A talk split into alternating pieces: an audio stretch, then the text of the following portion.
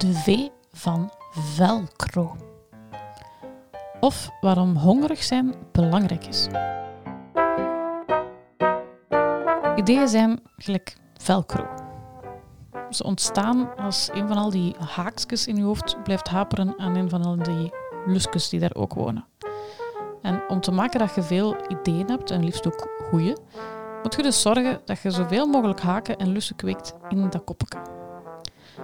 Want om goede kopie te schrijven, ja, moet gewoon met ideeën komen. En andere ideeën dan degene die er al makkelijk zouden liggen. Dus ideeën die, ja, die bij je lezers iets doen gebeuren. Die hun synapsen doen knetteren. En zo'n idee, eerlijk gezegd, is dat meestal niks revolutionairs. Maar wat het wel is, is de combinatie van twee dingen die niemand anders al bij elkaar had gezet. Dus, om iets te produceren dat goed is, moet je eerst zoveel mogelijk wereldeigen maken. Lees alles wat je tegenkomt, inclusief het boekje van een Aldi, achterlaten stationsromans, maakt niet uit. Vergeet vooral ook de literatuur niet. Er zit soms, denk ik, meer waarheid in fictie dan in non-fictie. Maar lees niet alleen de letters, lees, lees al de rest. Lees gezichten van mensen, lees hun lijven, lees hun handen.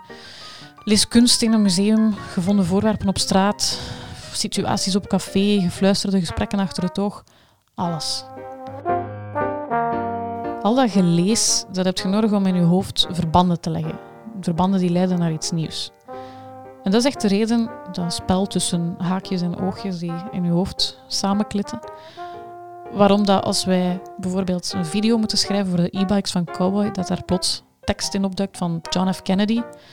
Of dat we het liever hebben over uh, de lichtvoetigheid van Mohammed Ali als het moet gaan over agile zijn uh, in een blog voor een consultancybedrijf.